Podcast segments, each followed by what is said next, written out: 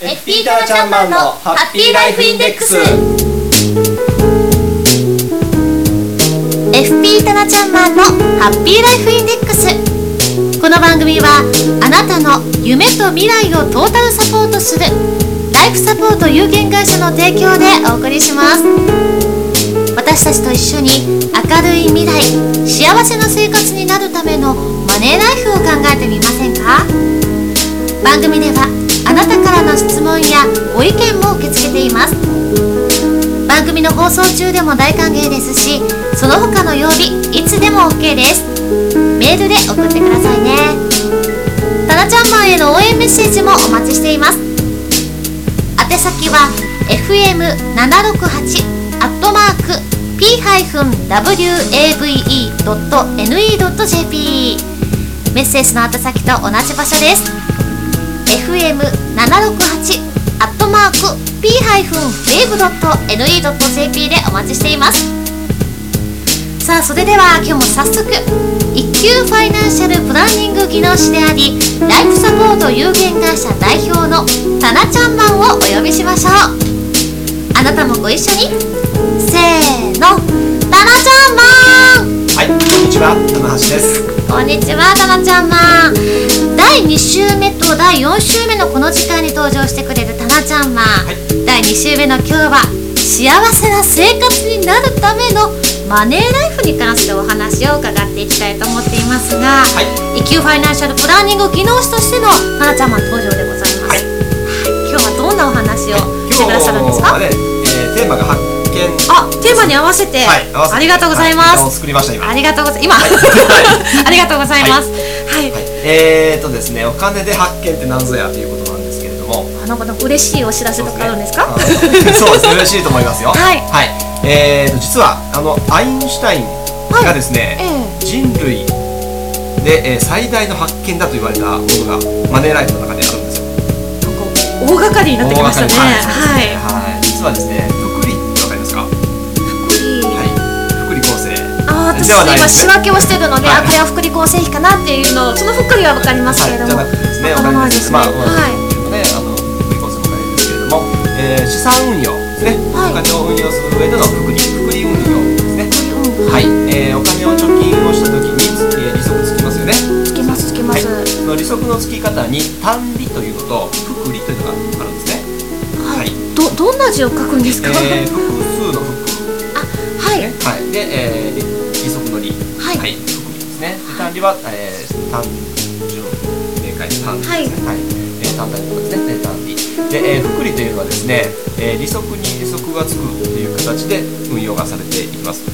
あ利息に利息なんか2倍利息みたいであーこんな感じするんですけれどはい。はいえーどういうことかと言いますと、ええ例えば100万円っていうお金はいをですね、10年間運用します。はい、はい、で、えーこれに3例えばですね3%の利息がつきますよという商品に100万円10年間預けてですね運用はいしますと、えー単利だと、えー100万円に対して、えー年利3%ですよね。毎年3%、うん。えー100万円元本100万円に対して3%だから3万円ですよね、はい。で3万円が毎年毎年利息としてついていきますよっていう形になりますので、えー10年後のお元利合計のおまあ、得たお金っていうのはいくらになりますか？あの計算します。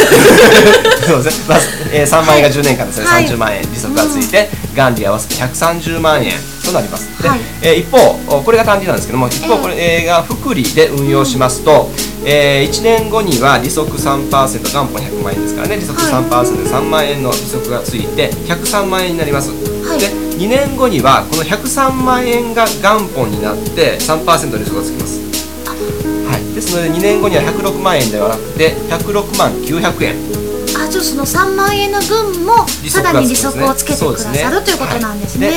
でで、えー3年後にはそのお106万900円にえーまた3%の利息がつきますので109万2727円。とずーっといきますと10年後にはなんと元利合わせて134万4000円ほど、あちょっと得した気分になれますね。はい。まあ、わずかね、はい。えー4万4000円ほどですけれども、うん。えー単利で運用するの運用益が得られる。そうですね。それまあですね。100万円ですけど金額が多ければはい。もっともっとそのそうなんですよね、はい。でこれを長い期間ですね、やればやるほど効果は大きくなっていきます。今期間が10年間でしたので、えーそんなに差は出なかったですけど例えば30年間はい。運用したとしますとどれぐらい差が出るのかはい。ですね、えーこの同じ100万円を3%で30年間運用しますと元利合計、えーなんとですね242万7000円。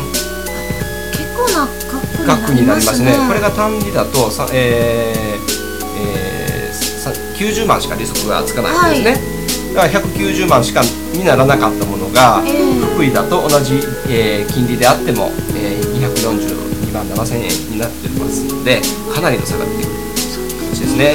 はい、これだけね大きなあー効果が得られます。ですがあーアインシュタインも人類最大の発見だと言わしめただけのものはあるんじゃないかなと。ああそうですね。ね。長い年月で見てください、こんだけ差があるということで、はい、でえーこれだけ大きな効果があ福利に福利運用にもね、はい。ありますので、ええ。じゃあこれを使って例えばですね、えー1000万円というお金を貯めたいな。ということですね。目標、はい。目このぐらい貯めたい時にはどうしたらいいかはい、1000万円という目標を置いて同じ 3%,、えー、3%で運用する、したとするとですね、えー、20歳の方が、はい。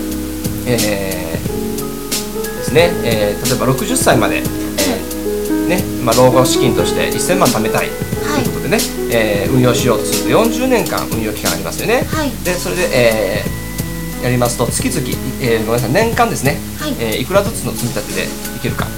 あそれを計算してくださるわけですね、とい。うことなんですが、えー実はですねはい。月々のあごめんなさい1年間の積み立て額があ13万2624円ですからあ1ヶ月あたり約1万円ちょっと。なんかできそうな気がしますね。です1万円ちょっと、はい。うんまあ、3%でいうね、えー金利が必要なんですけれども、はい。えー40年間あれば1万円ちょっとのお運用で、えー1000万円が貯まっちゃいます。で例えばですねこれ私45歳ですので、はい。今から60歳まで1000万貯めようと思うと、はい。同じ3%でねええ。運用するしたとしてそのためには元本がいくら必要かと言いますと、どれぐらいだと思いますこれ？40年間と15年間ではすごい差がありますすごいです。かかなり頑張らないといけないんじゃないですか？なり頑張らかないといけないですね、はい。1年間に53万7000円ほど積み立てないといけないんですよ。あそうですね。ね。ボーナスとかも使ってもね、ちょっともう無理ちょなんですね。っと難なんか大変なねことになりますね。はい、まあこれだけのね差がありますんで、えーまあ福利のねえー効果、えーを得ようと思います。と特に今はですねすごくはい。金利が低いうんので、えー。えー早めから、えーまあ、積み立てあるいはその貯金を始めてですね、はい。長い期間運用するということですね、えーそれがあ福利の効果があ大きく長ければ長いほどですね運用期間が長ければ長いほど効果が大きくなりますので、えーぜひ、えー早いうちからですねライフプランニングをきちんと立てて福利を使って、えー運用して、えー将来にね備えていただければなと思います。特にこう新社会人になられた方とかも、ちょうどねあのゴールデンウィークも終わって実家に一回か帰ってどんな感じなのって話してね、うん。これからのことも考えていく時期ではありますからね,、はい。ね。今からちょっと貯金していこうかなと思うんだよっていうはい。時には、もうおお若い時から長い期間、はい。これがやっぱりもうポイントということなんですね。はい、すね。逆に例えばあの今こういう状況であの例えば結婚資金貯めたいんですとかあの老老後のその金額んですってこれタナちゃんマンのところに伺ったら、はい。ねぜひ、ポンポンポンと計算してください。ね、はい、ぜひお越しいただければね、はい。で無理のないような形のですね、ええ貯金方法だとかっていうのもお伝えできると思いますので、はい、タナちゃんんマンの会社の場所も。はい。はい、はい。えー四日市市生桑町にあります、はい。えーテラという大きな本屋さんのねすぐ近くにありますので、えーお分かりいただけるかと思います、えーはい。ガラスにはタナちゃんマンの大きなイラストが貼ってありますんでね、えーはい。あのかなと思います。はい、もうわからない方はぜひね、たなちゃん版にじっくり聞いていただけるともうわかりやすいんじゃないかなと思います。い、ろんなプランをね、いろいろ相談することでまた実感も湧くそうですね。気がしますよね。はい。なんかあやふやになってたところをもっと凝縮して、はい。あのいろいろ教えてくださると思いますので、ぜひねお問い合わせもいただきたいなと思います。さてこのライフサポート有限会社のホームページめちゃめちゃ充実しております。ぜひチェックしてみてください。いろんな情報盛りだくさんなんですよ。す。で、えー昨日実は昨日なんですけど、YouTube にですね、はい。私のミッション、わお。をっていうのをねちょっと、えー動画で、ええ。えームービーにしましてですねアップしましたんで、はい。はいぜひ興味のある方は YouTube で、えー、タナちゃんマンもしくはあー住宅購入支援 FP という形でですね、はい。えー検索していただければあ私の動画が、ヒットすると思いますので、一度ご覧いただければと思います。YouTube を好きな方もたくさんいらっしゃると思います、タナちゃんマンの検索方法はタナちゃんマンちゃんだけがひらがなでございます。タナちゃんマンちゃんだけがひらがなであとカタカナでございますのでねぜひ検索エンジンに入れて YouTube 見てみてください、またねその感想なんかもね。お寄せいただきたいなと思います、はい。ぜぜひお寄せください、い。FM768 アットマーク P-wave.na.jp でお待ちしていますよ。さて今日の放送あれあと計算どうだったっけなっていうふうな、ね。はい。どんな得だったかなっていうふうなね今日の放送もまた後日聞いていただくことができます。それから今までの放送何回も何回もしてくださってますけれども、はい。この放送もね全部聞いていただくことができますのでぜひ検索してみてください、はい。